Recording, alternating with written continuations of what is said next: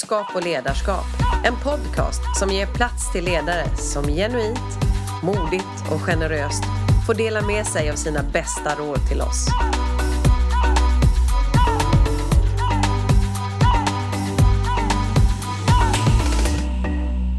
Då säger jag hej och välkommen till Sofie Fransén som är VD och medgrundare till Eventyr. Och eh, du har ju en jättespännande bakgrund. Så jag har, um, ja, en sak som sticker ut är ju det här med hur du leder tillsammans med andra och få fram den här entreprenöriella känslan i att vilja driva, hitta på nya saker och så här. Och det ska vi ju få grotta ner oss lite grann i. Men innan vi kommer det, dit så tänkte jag vi skulle titta på när du växte upp. Vad hade du för bild av ledare och ledarskap då? Ja, vad spännande. Hej! Tack för att jag fick komma hit. När jag var liten, vilka var mina ledare? Min mamma såklart mm. var en ledare. Mm. Min pappa dog tyvärr när jag var sju. Så mm. att liksom innan det kanske han var det på sätt och vis. Men det var mer min mamma. Mm.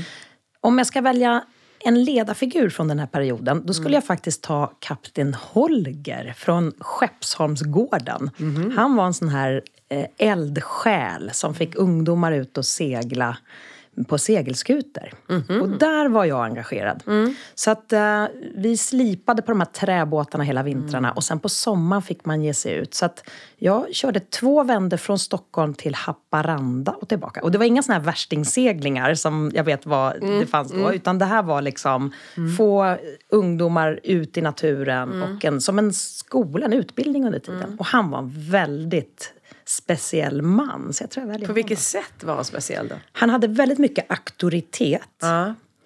Eh, man lyssnade på honom, mm. Eh, man hade respekt för honom. Mm. Men han hade också ett stort hjärta. Mm.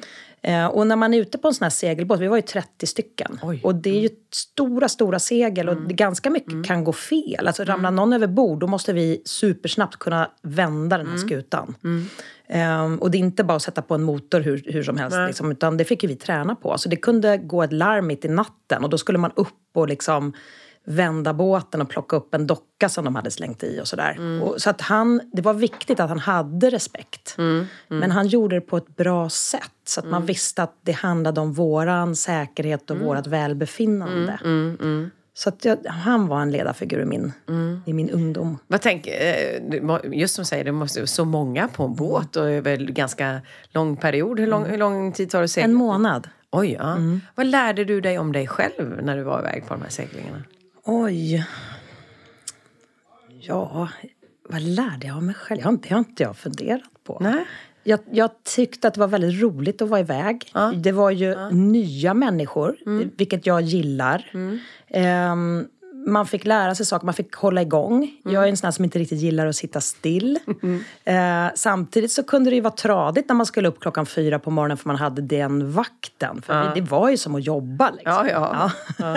och sitta där och liksom. Men det var otroligt vackert och jag tror mm. att jag lärde mig säkert massor om mig själv men jag har inte riktigt så Nej, och sen så den åldern så kanske man inte reflekterar Nej. över det på det sättet heller.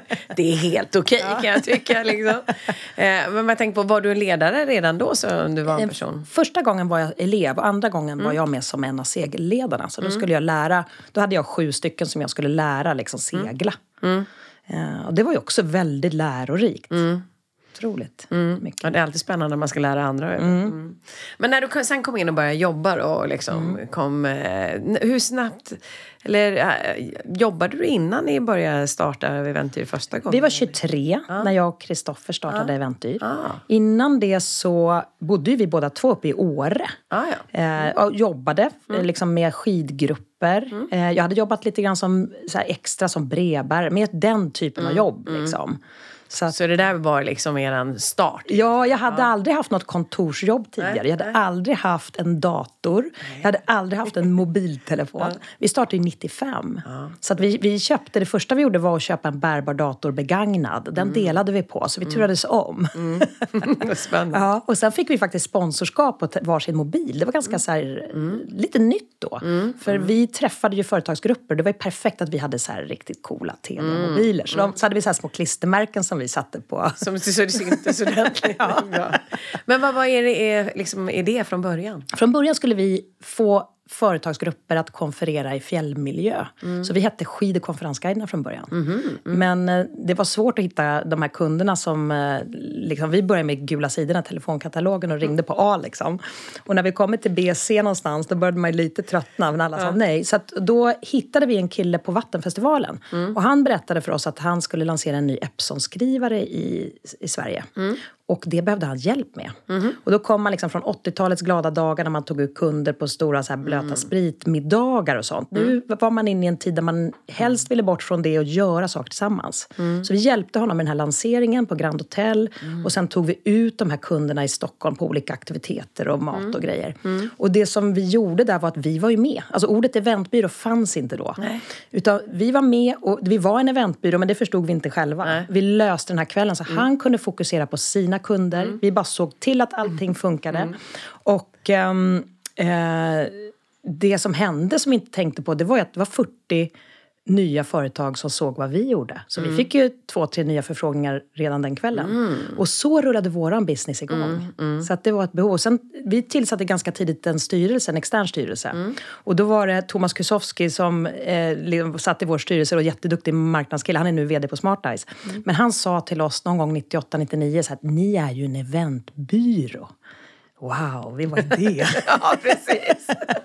Ja, men det är skönt när man är före ja, liksom, ja, ja. det som ja. kommer. Men om du tittar tillbaka på den tiden, vad är det du ser i viktiga lärdomar från ett sånt upp, en sån uppbyggnadsfas egentligen? Det är ju att då gjorde vi ju allting själva. Mm. Så det var allt från liksom mm. det lilla, lilla till, liksom, Det fanns ju inte någon annan att delegera till utan det var mm. bara vi. Mm. Och när vi väl efter ett och ett halvt år någonting så kunde vi anställa vår första person. Mm. Och något år senare nästa. Mm. Och sen något år senare anställde vi fyra personer i ett och samma svep. Så vi var helt plötsligt åtta och liksom hade, vi, var vi chefer. Och för mig var ju det, jag var nog jätte jättedålig mm. chef då. Mm. Nej, men för jag trodde dels att jag skulle göra, om jag gjorde allting eh, liksom väldigt bra själv, då skulle mm. de andra ta efter. Mm. Vilket innebar att jag var ju superstressad. Jag skulle både sälja, jag skulle sköta ekonomin, mm. jag skulle driva projekt och liksom, mm. du vet, göra kunde inte liksom släppa ifrån mig.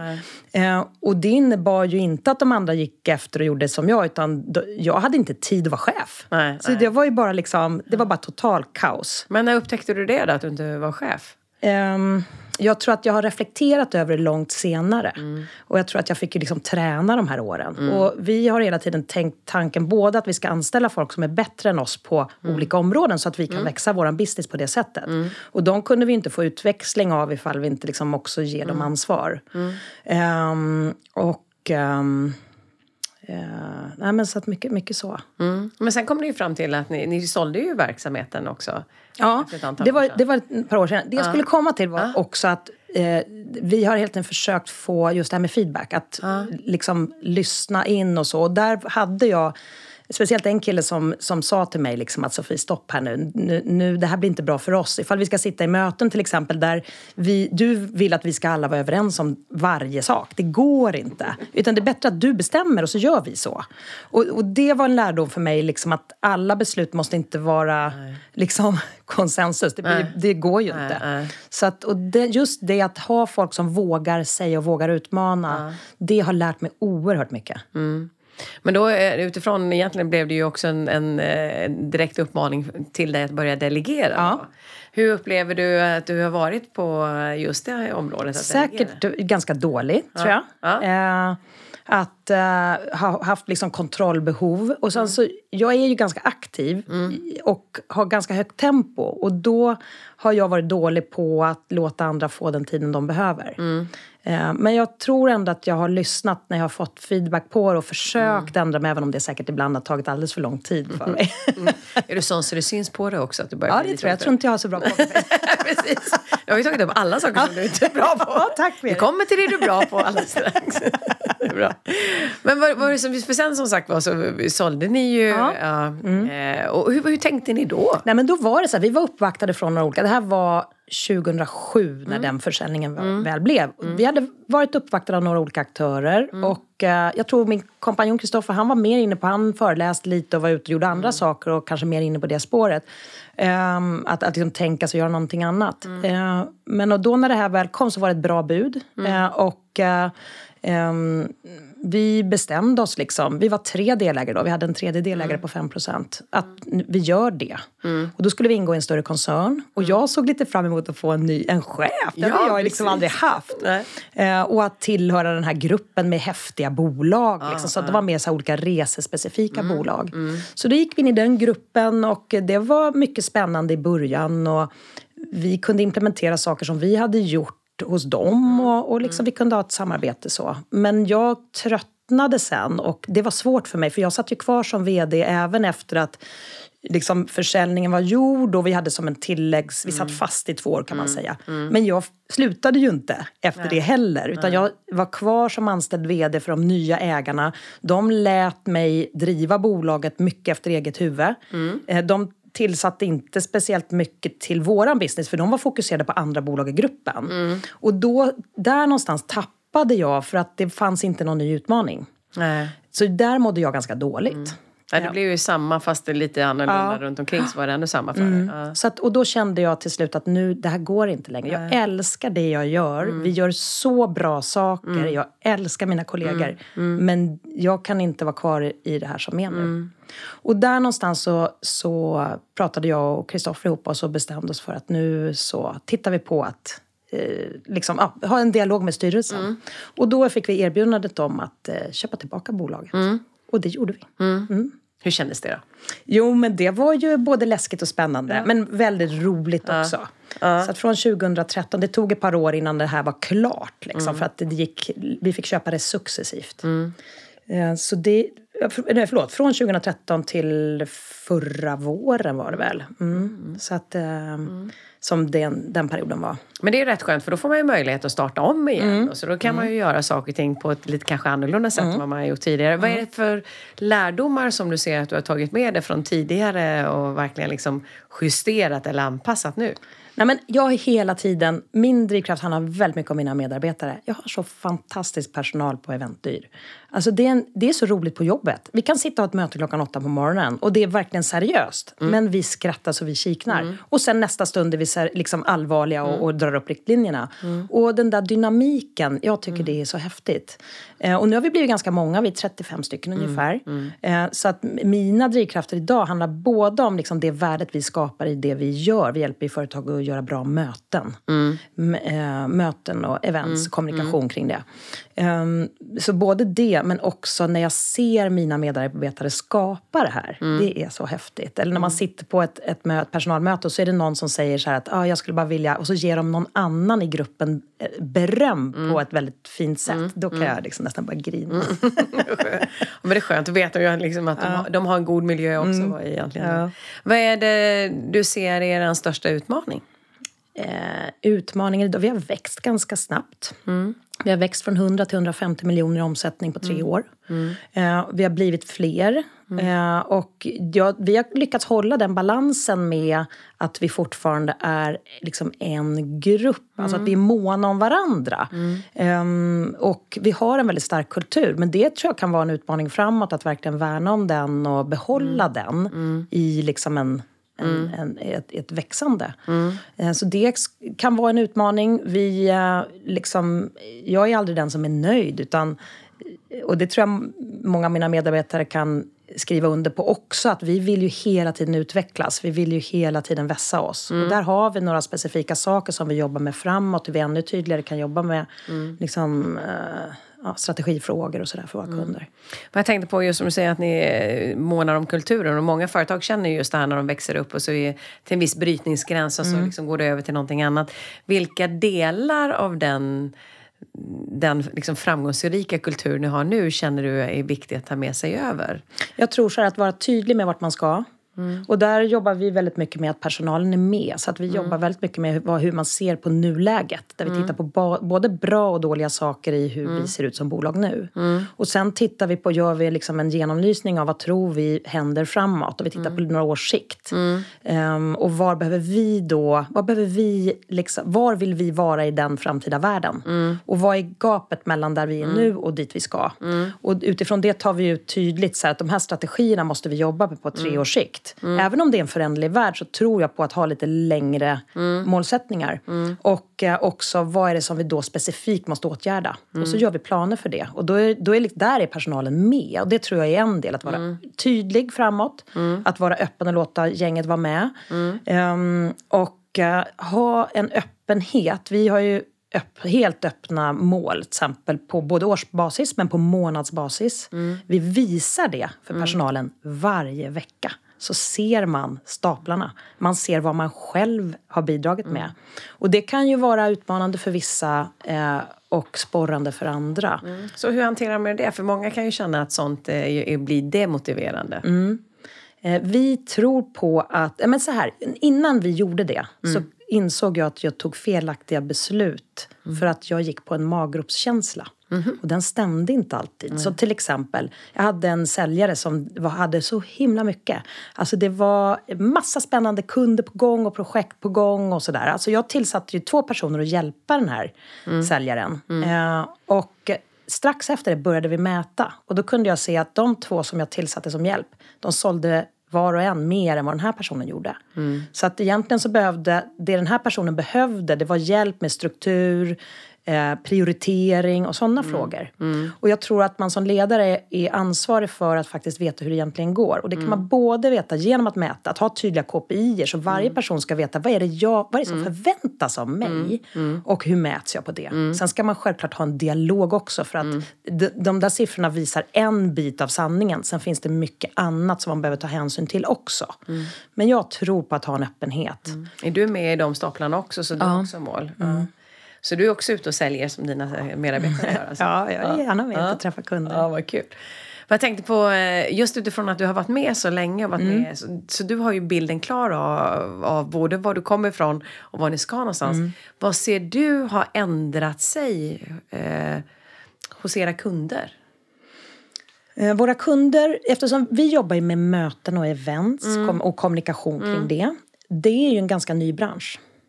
Så som jag sa, den fanns ju inte när vi startade. Så det som har hänt är att kunderna förstår vikten mer och mer av när man ska träffa sin personal. Då är, gäller det. Alltså om vi nu vill göra den här förflyttningen i vårt bolag. Då är ju det här tillfället ett steg på vägen till våra övergripande mål. Och då behöver vi ju vara genomtänkta. Vi behöver vara tydliga med vad vi vill få ut av det här tillfället. Vara välrepeterade. Om jag som vd ska stå på scenen då behöver jag ha tränat mitt manus. Jag behöver ha ett bra manus och jag behöver liksom visa för min personal. Eller kanske handlar det om att låta personalen vara med i mötet och det handlar mer om att vi tillsammans ska skapa någonting. Co-creative mer.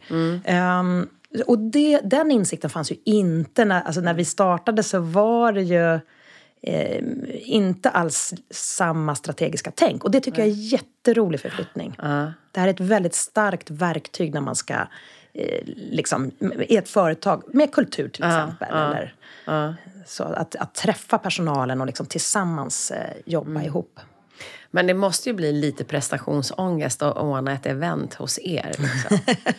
liksom, hur, hur tänker ni? Hur fixar ni det? För våra egna? Ja, jag kan tänka mig det. Liksom, Gud, vad ska vi hitta på i år? Ja, ja, ja, men det är så roligt. Ja. Alltså, det är många som säger när vi är iväg på våra egna grejer, det är roligare än att dra iväg med polarna. Okej. Men hur, för det måste ju verkligen bli prestationsångest, blir Ja. inte det?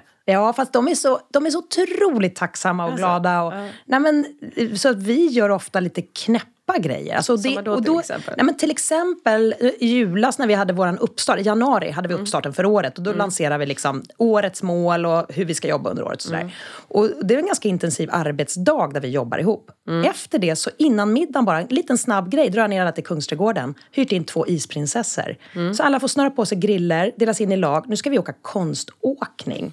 och, det som, och det är ju en sån knäpp grej att göra. Mm. Men det det gör är att vi gör bort oss lite tillsammans. Mm. Det lättare att gå och fråga kollegan om hjälp. När, för jag såg dig göra en piruett förra veckan. Mm. Jag vågar faktiskt gå fram till dig. Och Nej, men så att en sån grej. Ehm, men vi gör ju en hel del liksom, resor och sånt tillsammans också. Och då är det alltid att vi, man bor alltid med no, inte med bästisen, utan med någons olika. Liksom. Vi kan ha riktiga dampresor som är otroligt fyllda av olika saker. Men vi mixar hela tiden. Vilka är det du åker den där jeepen med? Eller bordsplaceringar. Alltid för att mixa, mixa, mixa hela tiden. Är det, är det, är, hur liksom, är, vem är det som är ansvarig? Är det du som sitter och fixar Jag det? har ytterst ansvarig för de Du där. har ja, den, ja, där, den har jag inte Den släpper du inte. Nej, den släpper inte. Men sen är det alltid en ny grupp med. Ja. Så att, eh, och det är ju jätte, jättekul. Ja, det förstår jag. Men jag tänker på just också, i ert jobb är det ju så viktigt här att hitta rätt personer och så. Mm. Man pratar ju mycket om det. För jag menar, en sak gör jag utifrån det så det goda arbetet du har Mm. gjort och den framgången och de priser som Mm. du har fått för ditt ledarskap gör ju att människor ser er och de vill jobba hos er så ni blir ju en attraktiv arbetsgivare. Eh, Men hur är det att välja rätt person hos er då? Hur, hur tänker du när du ska ha någon som ska passa in hos er? Nu är det så roligt, för nu har du frågat om jag kan delegera. Och sen har du börjat prata om de områdena som jag inte har delegerat riktigt, för de har jag kvar. Aj. Aktiviteterna. Nej, men det är Vi skulle ju prata om det du var bra på! Jo, men rekrytering är ett sånt område. Det är, okej. mi- jag är mitt skötebarn. Okej. Men likadant där, att jag har alltid med mig ett antal personer i det.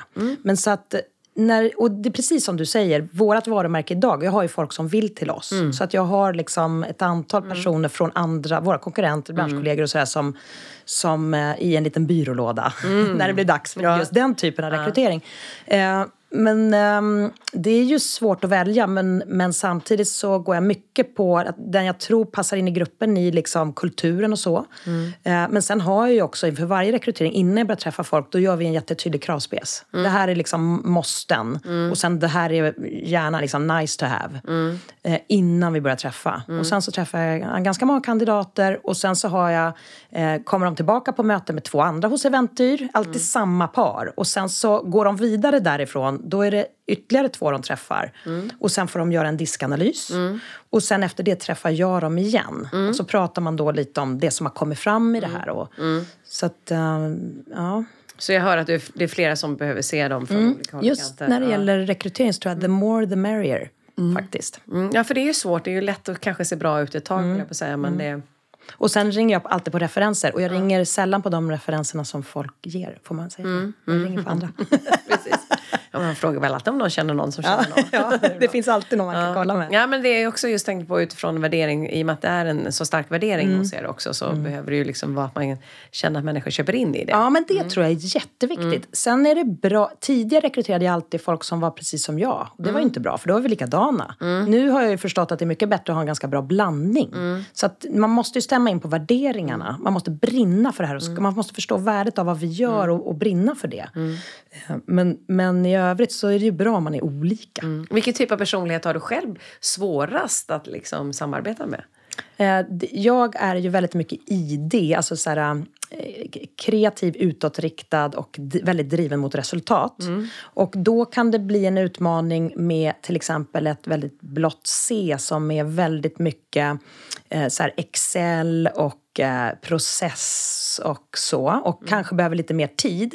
Samtidigt så är det en superbra match för mig att jobba med en sån. För att till exempel om vi ska göra en upphandling. Då jag eh, har ju lite svårt att hålla på och liksom jämföra för länge. Utan då är det bättre att någon annan gör det som gillar det där. Och sen kommer till mig med, här är liksom valen och min rekommendation är. Då kan jag ganska snabbt säga, bra då gör vi det. Eller ställa någon följdfråga liksom. Så att igen, det är knepigast men också bäst. När du tittar på din egen, för jag vet ju att du är en person som alltid vill leverera det absolut bästa. Vad är det du själv känner liksom? Eh, vad, är din, vad är din rädsla egentligen eh, i, i det du gör? Vad är du rädd för att inte räcka till för eller göra tillräckligt bra? Nej, men jag tror att jag fortfarande jobbar på att släppa saker. Att, eh, eh, jag gillar när jag släpper saker, att någon, liksom man har förtroende, den här personen driver det vidare. Men det är fortfarande det jag behöver träna på. Så vad behöver den personen göra för att du ska släppa? Eh, var tydlig med att jag vill ta det här. Ibland kommer de och frågar för många gånger liksom, och då tror jag att de... Är osäkra. Ja, men det behöver inte vara så. Liksom. Nej. Nej. De kanske frågar bara för att de vill vara snälla. Ja, eller tror att de behöver det. Ja, precis. Ja, men det är ju så spännande. Ja. Men om jag tänker på utifrån att ni också, eh, det kommer ju in väldigt mycket teknik i er. Mm. Liksom, det är ju, det är ju en häftig utveckling överlag där. Hur, gör- hur gör du för att hålla dig ajour med allting nytt som händer runt omkring dig? Ja, men dels vara ute på events och andras events och stora mässor och sådana saker. Eh, sen har ju vi ett team, koncept och designavdelning som hela tiden har örat mot rälsen just när det gäller de delarna och som delar den, eh, liksom, det med oss andra på kontoret. Så där har jag ett helt gäng som är liksom nördar på det där och det är inte jag. Nej. Så vad är det senaste du har lärt dig då, eller börjat träna på som du inte har gjort tidigare? Som är... I tek- tekniskt. Nej, eller rent allmänt bara. sådär. Ah, vad jag tränar Nej, men jag bara tänkte på utifrån att det handlar ju väldigt mycket om att vara i kontinuerlig utveckling. Jag, jag tränar på att eh, pausa. Så att eh, jag, jag springer lite för fort ibland. Och då så tränar jag på att ta mikropauser och känna mer. Går det bra? Ja, ta en liten steg fram. Ibland. Men varför är det viktigt för dig då? Därför att... Eh, ja, att, att liksom jag behöver... Åh, ska jag svara på varför är det viktigt? Att må lite bättre, njuta lite mer av nuet skulle jag säga. Mm. Att jag kan vara lite för mycket att nu ska vi, åh vad bra det här var, nu gör vi Check, om lite. vidare. Ja, vi gör om, precis. Så. Nej, du gör om också. Det är inte bara check. Nej. Du, du gör Det här var om. superbra och nästa gång gör vi... Underbart. Man är Jobbig aldrig nöjd. Liksom. är du likadan hemma? Ja, tror jag. Nej, Är det? jag frågar min man. Ja, ja. Nej, men det är spännande just det. här. Ja, men jättebra, vi gör om det lite. Bra. Eh, Men om du tittar då framåt i en kristallkula, vad är det du ser för verksamheten utifrån att ni har liksom långsiktiga planer? Vad är det du ser? Eh, att vi fortsätter där, att vi har ju väldigt långa samarbeten med våra kunder. Och det ser jag framåt ännu mer. Eh, och det är så roligt när man lär känna varandra. Det blir ju som att man jobbar verkligen tillsammans och utvecklas tillsammans. Och det ser jag ännu mer. Eh, jag ser ännu mer att vi kan hjälpa kunden på flera nivåer. Idag så kan vi ha kund, vissa kunder tar liksom all vår hjälp, både kommunikation, logistik, upplevelser. Medan vissa kanske tar vår hjälp bara gällande logistikdelarna. Och säger så att nej, men ni, ni behöver inte vara med in i mötesrummet. Men framåt ser jag att ännu fler, liksom att alla kunder tar hjälp med hela spektrat. För det är då vi kan göra skillnad på riktigt. Ja, så det tror jag kommer ännu mer. Liksom. Vad jag tror du kommer krävas av dig och ditt ledarskap då i det här? Ehm, en tydlighet, att vi blir tydligare med liksom vad vi erbjuder. Eh, Så att det blir lätt för kunden att säga ja till alla de delarna. Att just att vi har långa kundrelationer så innebär det också att, ja men jag skulle väl säga att merparten av våra kunder väljer oss för allt. Men sen har vi några kunder som antingen att de är helt nya eller att de har jobbat med oss väldigt länge och bara har gjort alltid just det. Eh, Och där är det, kan det vara en utmaning att förklara vad vi skulle kunna göra mer. Liksom. Ibland behöver de få uppleva det för att förstå. Ja, men så är det ju. Mm, Ibland tror vi att vi vet. Mm. Men jag har tänkt på också just det här utifrån att du är eh, gäng som är, ni är passionerade, ni, ni driver ju av att, drivs av att göra det absolut bästa. Och jag kan tänka mig ibland så blir det att saker kanske inte går som man har tänkt sig och det blir liksom konflikter och annat. Vad, eh, om du tänker tillbaka på en sån situation, vad, vad är det du ser är bra saker att tänka på när man hamnar i, i de lägena? Kan det vara mellan kund och, eller det kan vara även internt? Mm. Ja, men det, det, och det är lite olika vad det är. Är det internt, då är det ta det direkt. Att inte gå och suga på något, ta det direkt. Hur då till exempel? Menar Nej, du? men om det är en konflikt mellan två kollegor, då, då är det ju superviktigt att inte det går och gror. Utan då behöver man ju lyfta det direkt. Alltså ta det med dem, försöka få dem att prata med varandra. Och kan inte de det så behöver man ju hjälpa dem att liksom, komma vidare. Eh, men är det en kund, då, där är vi på, om det skulle hända, då är vi på direkt. Och då är det jag som ringer upp. Liksom, o- Om det liksom har gått så pass att det, vi ser en utvärdering att en kund inte är helt nöjd. Då är det ju i första hand kundansvarig. Men sen tar jag också alltid ett samtal med kunden för att visa att för oss är det så viktigt att våra kunder är, är jättenöjda. För det är vår marknadsföring. Och vi vill att kunderna ska komma tillbaka. Och de kommer inte tillbaka om de inte är nöjda. Nej, så att, eh, och där, när man får, om det kommer, vilket är väldigt sällan. Vi har väldigt höga kundnöjdhetssiffror. Det mäter vi, en av de delarna vi mäter. Eh, men där har man ju chansen att göra en kund supernöjd. Så det är där man verkligen kan omvända dem. Och då gäller det att lyssna. Vad är det kunden verkligen upplever? Vad är det de säger? Så att man inte går i försvar liksom. Utan då, Ja. Mm, ja, spännande. Vad är det mer du tror krävs av dina medarbetare för att hantera det? Om vi säger, för att engagemang är ju en sak som håller motorn igång, men räcker det med det? Nej, jag tror att de vill ju lära sig. De vill ju utvecklas. Och där handlar det ju om att mixa team, att låta folk få ta sig an nya utmaningar på olika sätt. Att göra individuella utvecklingsplaner. Så att man vet, okej, okay, för det här året är det här jag ska uppnå. Och då jobba kontinuerligt med det under året. Och det kan man ju följa i sina egna KPI som man mäts utifrån. Och sen har man ju också fyra liksom, utvecklingssamtal under året där man tittar på de delarna med sin chef. Liksom. Um, så det tror jag att, för att en person ska vara nöjd tror jag att man, man vill veta vad är det som förväntas av mig. Och man, vill, man vill köpa in på det, liksom, det är det här jag vill. Uh, och uh, att man har en tät dialog med sin ledare. Och det där tror jag att det kan man egentligen inte få för mycket av. Nej. För det, det där är ett om, just feedback och så tror jag är ett område som man gärna liksom gör för lite av. Mm. När du tittar tillbaka också egentligen på ditt eget ledarskap och hur du har utvecklats, mm. vad är det för situationer du har varit med om där som du känner bara, där lärde jag mig mycket? Ja, det är ju ofta en, om det är någon som tydligt har sagt, precis som jag berättade mm. här tidigare, att mm. någon tydligt har sagt att det här funkar inte. Mm. Eh, men det kan också vara när man vågar prova ett nytt sätt. Mm. Till exempel att våga visa sig sårbar till exempel. Eh, liksom, för jag har ofta en ganska hög energi. Men att liksom våga visa någonting annat och mm. att man då tillsammans får, shit vi hjälps åt med det här. Det hände det dig senast? Ja men det var något, jag hade liksom en, en period, för det kanske, men det är nog säkert ett par år sedan. Där det var en det blev, jag hamnade i ett läge i mitt liv som gjorde att jag var under isen. Mm. Och istället för att klistra på ett leende så mm. gick jag in till personalen och bara berättade att just nu mår jag inget bra. Mm. Jag behövde inte gå in på vad det var, mm. men när jag gjorde det då, liksom, då bröt jag nästan ihop mm. inför dem. Mm. Och det kan ju kännas läskigt, men det var också Mm. befriande. Och det jag möttes av hos min personal, det var bara så fantastiskt. Liksom. Jag fick Mm. sånt gensvar och liksom, de hade en förståelse för att jag hade en period där jag kanske inte var på topp. Mm. De steppade in och liksom hjälpte till. Ja, det, det var helt magiskt. Så Mm. det var ju verkligen en lärdom att våga vara sig själv. Jag tror Mm. inte man ska vara någon annan eller liksom försöka låtsas någonting. Utan Mm. så this is it. Ja, det är fascinerande vad som händer när vi vågar visa sårbarhet Mm. på det sättet. Men jag tänker på hur, hur gör du då när du utvecklar era ledare som ni har hos er? Vad, vad är det, har var och en um, säger, jag, får de var och en ha sitt eget ledarskap eller vad är det vissa delar som du känner, ja men det här är, det här är ju Ventyrs väg att göra det på? Ja, vi har vissa saker. Mm. Dels att man, det, vi sätter ju en affärsplan tillsammans. Vi har en treårsstrategiplan, Mm. sen sätter vi en affärsplan tillsammans. Och den liksom nagelfar vi i ledningsgruppen. Mm. Eh, och sen rullar ju varje person ut det på sin liksom, avdelning. Vi är inte så stora, men har, Mm. Mm. vi har ändå tre avdelningar. Eh, och de, utifrån det sätter man nyckeltal för varje person. Så var, man går ju, varje chef går igenom med sina medarbetare vad det är den personen ska bidra med för att det hela pusslet ska funka. Eh, så det är ju gemensamt. Vi har också gemensamma, liksom, där vi rullar ut de stora målen för personalen. Sen har ju vi, vi avsätter en timme i veckan till internutbildning för alla. Vi- Eventyr Academy. Eh, och eh, där har vi till exempel Peter Vedin från er ska gästa oss. Ibland är det externa personer, han ska prata presentationsteknik.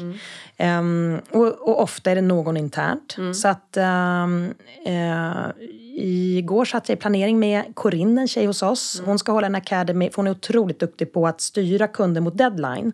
Ibland kan det vara så när vi gör ett möte så vet kunden att vi har, vi har satt upp en, en projektplan där man ser att den här tiden ska det här levereras. Men sen är det ofta ändå att det kommer saker efteråt. Och där är hon otroligt duktig på att hon har ett väldigt smart sätt att jobba med det där. Så då ska hon utbilda oss andra i exakt hur hon gör. Och, och, och det där att avsätta så pass mycket tid, det blir 1600 t- arbetstimmar per år. Det är ganska dyrt, men det ger oss så mycket. Det kan vara liksom att om jag säger att vi vill ha högt i tak, det, det blir det ju inte automatiskt. Nej. Men då kan jag ta en sån academy och säga att nästa vecka, då ska var och en berätta om ett misstag ni har gjort i jobbet. Ni ska berätta om händelsen. Sen ska ni ge oss en, en uppmaning vad vi ska göra annorlunda och en fördel vad vi får då. Bra, det känner jag igen.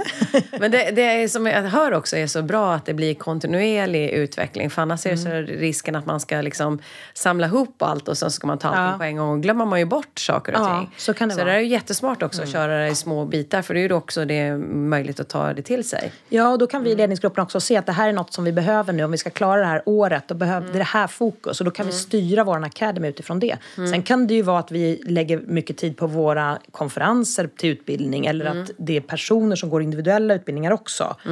Men eh, jag tror att det, det där är jätteviktigt.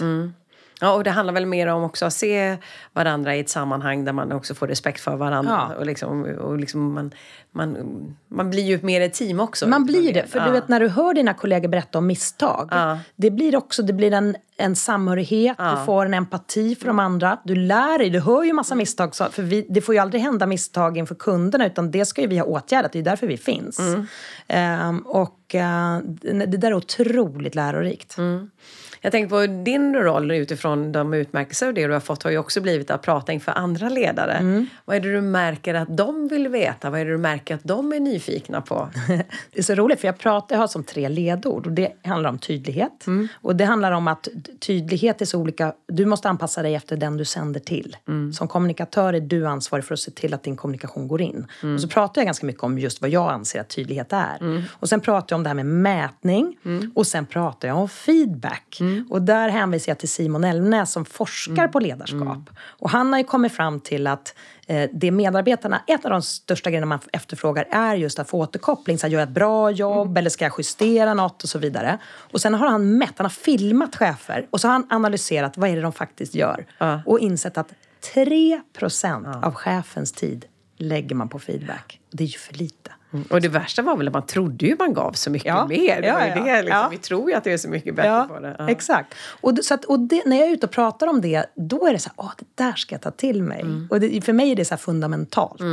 Men hur gör du för att få ihop tid till det då? För jag menar, du träffar ju kunder, du jobbar och driver. Så att du är ju väldigt mycket i, både i verksamheten men också Ja. naturligtvis strategiskt jobbar med den. Men jag har ju få, jag har jag har inte så många, det jag har ju liksom andra personer Mm. som driver gruppen. Så att det, det är ju de som jobbar mest med de där delarna. Men du har ju dina Mm, tre. tre som du gör. Så hur ser du till att säkerställa att dina tre får återkoppling? Eh, vi, vi har ju möten varje vecka. Okej. Och sen så, liksom, ja, mer än det skulle jag väl säga. Mm. Fasta möten, men sen så träffas man utanför det också. Mm. Liksom, en hel del. Så du, du är mån om att ge uppskattning och feedback just där? Ja, fast då? jag hade faktiskt en kille i mitt team sa till mig för tre veckor sedan att jag gav för lite. Mm. Och det var jättebra att han sa det, för annars, ja, så, så att, att jag behövde vara tydligare där. Mm. Och, för, och då var det precis så, att jag trodde att jag sa att jag tyckte att han gjorde ett bra jobb, men att det gjorde jag för lite. Ja. Och det där är ju intressant för man själv kan ju tycka verkligen man har varit tydlig med det men andra inte uppfattar det. Eller så är det så att man tänker att det var bra, men man sa det inte. Ja. Ja, det är jättespännande. Eller så säger man det till personer och ingen annan hör det. Och det är det enda folk liksom som upplever att ja, men det var inte viktigt för de andra fick inte höra att det var bra. Ja, det är jättespännande. Men det är som du säger också, det är hela tiden på mottagarens villkor som eh, kommunikationen se- sker. Så det är ju där utmaningen kan vara. Men eh, utifrån att du har de här tre ledorden, upplever du att det är det som också dina chefskollegor känner, om man tittar på dem du föreläser för och så vidare, de känner att ja, men det här är viktigt för dem? Är det det som är Ja, men jag tror det. det, det för, och där liksom att, jag pratar också om ansvaret vi har idag i den digitala världen. Eh, kring till exempel att det är folk som jobbar väldigt mycket idag. Men utbrändhet hit och dit och sådär. Och där tror jag att vi som ledare har en, en, ett ansvar att ge rätt förutsättningar. Att man ska kunna göra sitt jobb på den tiden som är avsatt till exempel. Och att man inte ska förvänta sig övertid. Och vi som är en eventbyrå, hos oss är det ju, det sitter folk över inför sina events. Och liksom, det är svårt att göra någonting åt. Men det får inte vara ett normalläge. Nej. Det ska inte vara en vanlig tisdag i november när du inte har ett event. Då ska du inte jobba över. Utan Du ska kunna klara din arbetstid på den, liksom, dina timmar du ska ha. Ehm, och där tror jag att vi har ett ansvar. Så är det någon som jobbar över för mycket, då måste vi se det. Förstå varför. Kunna åtgärda, sätta till de resurser som behövs. Vi får inte mejla personalen på kvällstid. För det är som att förvänta sig ett svar. Då får man sitta och hålla sitt mejl tills det är arbetstid. Om inte det är en exceptionell ja, ja, situation jag förstår. såklart. Eh, den typen av saker. Så vi försöker ju liksom hitta ett sätt hos oss där man både ska kunna göra, ha rätt förutsättningar för ett bra jobb men också att vi har till exempel en PT som kommer en gång i veckan så att man kan träna på arbetstid och vi liksom försöker vara en, en arbetsplats där du kan få ihop balansen, för det handlar ju mycket om det. När vi har mejlen i mobilen, det är lätt att du tar upp den klockan 21 på kvällen och mejlar lite. Och eh, vissa trivs kanske bra med det, men jag tror att förväntan från arbetsgivaren får inte vara att, att ha ett sånt samhälle, utan effektivt jobba när du jobbar och sen så kunna vara ledig liksom. Är du själv duktig på när du är liksom fem att då slutar du eller hur gör du? Ja, kanske inte exakt fem. Det kan se olika ut. Eh, men jag har så att jag måste trycka fram mejlen i mobilen. Jag har den inte automatiskt att, det, att jag ser så att det börjar rassla. Utan då kan jag bestämma att här gör jag det och här gör jag det. Men jag behöver ju också träna på det emellanåt. Eh, men jag tycker att jag blir mycket bättre på det i alla fall. Vad gör du för att liksom få balans då? Jag- Förutom att inte titta i mobilen. Jag är inte på kontoret på fredagar. Nej, Jag är på kontoret måndag, torsdag. Vad Eh, gör du fr- fredag? Fredagar, jag har ju lite så här styrelseuppdrag och andra saker också. Så det kan ju vara att jag jobbar fast på annan plats. Men sen kan jag eh, reflektera.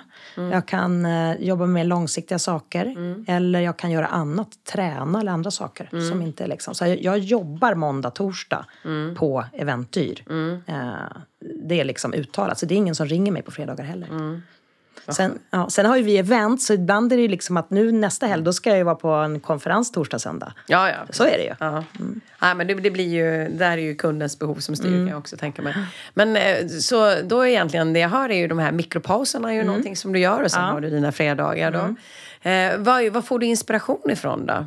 Eh, jag pluggar en del vid sidan, alltså så här, typ, och det kan vara olika. Jag har ju varit hos er, för det var länge sedan nu. Men det var en fantastisk utbildning tycker jag. Nu- var det inte meningen att göra reklam Nej. så, men Ehm, eh, kommunikation och ledarskap. Eh, pluggat NLP eh, och eh, pluggat till mental tränare. Så på så sätt har jag fått inspiration. Eh, nej, men lyssnar på poddar, ja, får inspiration från liksom olika, läser böcker. Så ibland prata med människor framförallt tror jag. Och jag är nyfiken på människor. Ja, men det gäller ju, jag hör att du hela tiden sätter dig i, att du hela tiden utmanas också. Ja, jag försöker det. Jag tycker att jag har varit dålig på det. Så jag tänker på att jag ska utmana mig själv bättre. Okej, vad är det, liksom, det senaste du har gjort där du kände att du verkligen utmanade dig? Ehm, Där du verkligen fick ta i från magen för att göra det?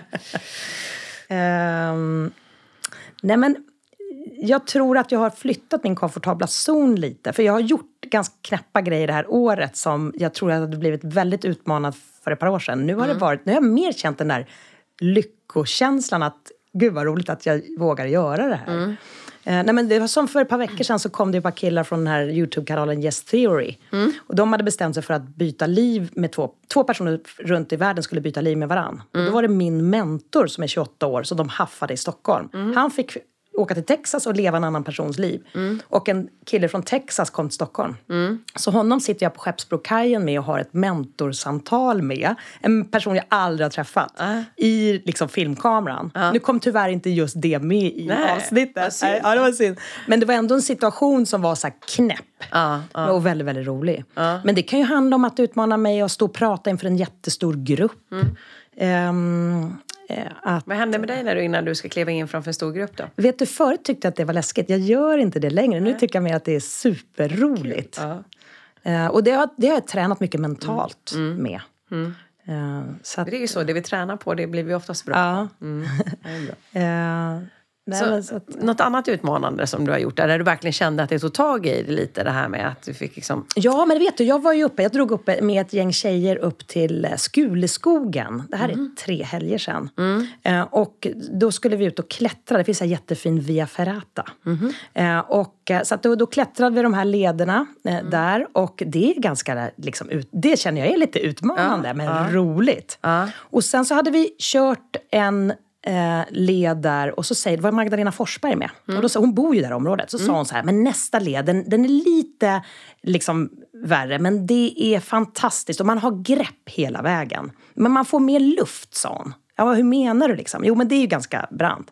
Så jag hängde ju på henne ut där. Vi var tre stycken ut på den där leden. Och eh, när vi kommer liksom runt ett hörn och jag är först då är det kö framför oss. Det är 18 personer som liksom väntar. Och det är inte så att du, nu kan jag vända, det går liksom. Nej, nej, nej, nej. Du måste vara upp där. Och de där greppen hon hade pratat om, jag vet inte var hon kände att de hade varit. jag kände inga grepp. bara- Nej. Och sen så, när vi väl kommer ut, och det var, det var högt och det var brant, men det är ju roligt också. Ja, ja. Och då sa jag att, så att nu får ni prata med mig, nu, liksom, nu är det brant. Och då drog hon någon story om någon älg som hade ramlat ner där förra sommaren. Och jag bara, nej, nej, nej, du får ta en annan historia. Men där utmanade jag mig själv. Ja. Och nu känner jag att jag skulle gärna ta den igen, den leden. För det, var, ju, det var ju väldigt kul. Eller, fast det var, jag var jätterädd. Ja. Det är sällan man är rädd i vuxen ålder. Ja, man skulle nog se saker och ting på ett annat sätt om man får göra det andra gånger också. För det är Ja. ju lite det här som säger, Mm, om man blir rädd så blir man ju lite... Ja. Ja. Men det var fascinerande att det var kö. Det måste ju, bara den... Det var en grupp som hade kommit förmodligen precis innan oss. Ja. Så då får man ju så var här, var med vill man vänta? Ja, Liksom. Ja, men det var utmanande. Mm, den var utmanande. Mm, jag säga. Men om du tittar på just utifrån vad, vad är det du ser är värdet av att utmana sig så mycket? Man flyttar i komfortabla zonen. Man, och man, man ser nya saker. Ehm, eh, man lär sig av, om sig själv. Ehm, För det är en av de grejerna som många ibland säger, ja men det var läbbigt att göra det men sen så var det, ja ja, sen var det över. Men har du verkligen förmågan att liksom titta på det och känna liksom, ja men det här tar jag med mig? Ja, Ja, det ska jag bra. säga. Det är det dina så här reflektionsstunder Ja. Bra. Nej, men jag, jag försöker att utmana mig själv. Jag tror att jag har varit i min comfort zone lite under en lång tid och tänkt så här, men nu måste jag liksom våga mig utanför den. Är du duktig på att utmana dina medarbetare också? Jag vet inte. Jag är nog duktig på att så här, hitta på något bus för dem, liksom något knäppt liksom, som de kan tycka är jo- jobbigt ibland och roligt ibland. Men att utmana dem, det, ja jag. Som, men som jag satt nu med Corinne så att hon ska hålla en academy. Det tyckte hon var jättekul, men inte helt självklart. Nej, ja, ja, men det är bra. Ja, då får de de här, liksom, de här sakerna bita tag Ja. i ordentligt.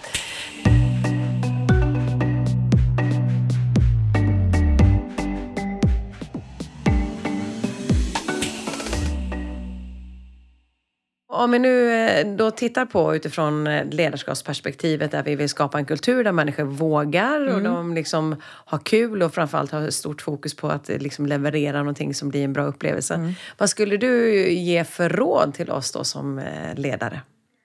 För att... Ja, hantera medmänniskor, höll jag på att säga, eller medarbetare utifrån engagemang eller kultur eller att göra saker och ting tillsammans. Ja, vara genuint, vara sig själv. Vara genuint intresserad av andra. Och eh, liksom ställa frågor och lyssna på svaren. Ehm, skulle jag säga. Ehm, låta folk vara med och ta fram liksom, i alla fall grunden till planen framåt. Vad gör man om någon inte vill vara med? Eh, man kan vara nyfiken på varför. Eh, och eh, skulle det hända så kanske jag skulle låta dem inte vara med. Men det, det skulle jag tycka var konstigt. Jag har inte riktigt varit med om det. Nej, Nej. skönt. Mm. Mm. Har du ett råd till där till oss? Ehm, nej men och sen återkoppla. Så att om man nu låter folk vara med och ta fram en grund för någonting. Då behöver man ju sen också återkoppla. Vad hände med det? För, det kan ju, för hos oss är det ju liksom, sen är det ledningsgruppen som paketerar ihop det. Och då är det ju viktigt att vara tydlig med vad är det vi har fångat upp. Vi har gjort så Great Place to Work-undersökningar och sånt också. Då har det kommit fram, och det är ju kul, vi har blivit certifierade där, men det har ju också kommit fram information om saker som vi, även om det har blivit ett bra betyg, så är det sånt som vi skulle kunna bli ännu bättre på. Och då åtgärdar vi ju saker och då gäller det att återkoppla också att det var på grund av det här som vi gjorde den här justeringen. Liksom. Jag gillar det här, ditt, det minutiösa arbetet, att hela tiden bli lite, lite bättre. Eh, Men det gör ju också att det blir en stretch i det. Så att det är det. När, när, jag tänkte på, när firar ni absolut? Liksom, när var det senaste? Du, jag ska fira nu 15.30. Ja, men vad härligt. Om en halvtimme. Ja. Vad ska ni fira då? Då ska vi fira, vi är ju på liksom god väg att nå vårt årsmål. Ah. Som är till sista december. Nu har vi liksom en milstolpe på vägen. Härligt. att, och det bestämde vi i morse, så det var verkligen eh, spontant. Så jag har tagit fram pingisbordet, köpt lite champagne och alkoholfritt. Eh, och, och så blir det liksom... Mm, det är bra. Ja, för det tror jag också gör att vi hela tiden känner att vi vill vara med och bidra när vi firar lite mer. Ja, och det har vi faktiskt stående på ledningsgruppsagendan. Mm. Fira framgångar är en punkt som alltid är med. Och, då, då liksom, och att, vad är heppstämningen på kontoret? Hur är liksom nu? För det kan vara en jätteintensiv period. Eh, och det är ju fine, men då behöver vi liksom ändå ha någonting att se fram emot. Och liksom så. så vi gör nog ganska mycket sådana grejer. Det behöver inte vara så komplicerat. Man kan ha ganska enkla grejer. Tack för tre bra råd och sen så att vi ska komma ihåg att fira också. Ja, det gör Tack ska du ha. Tack så mycket.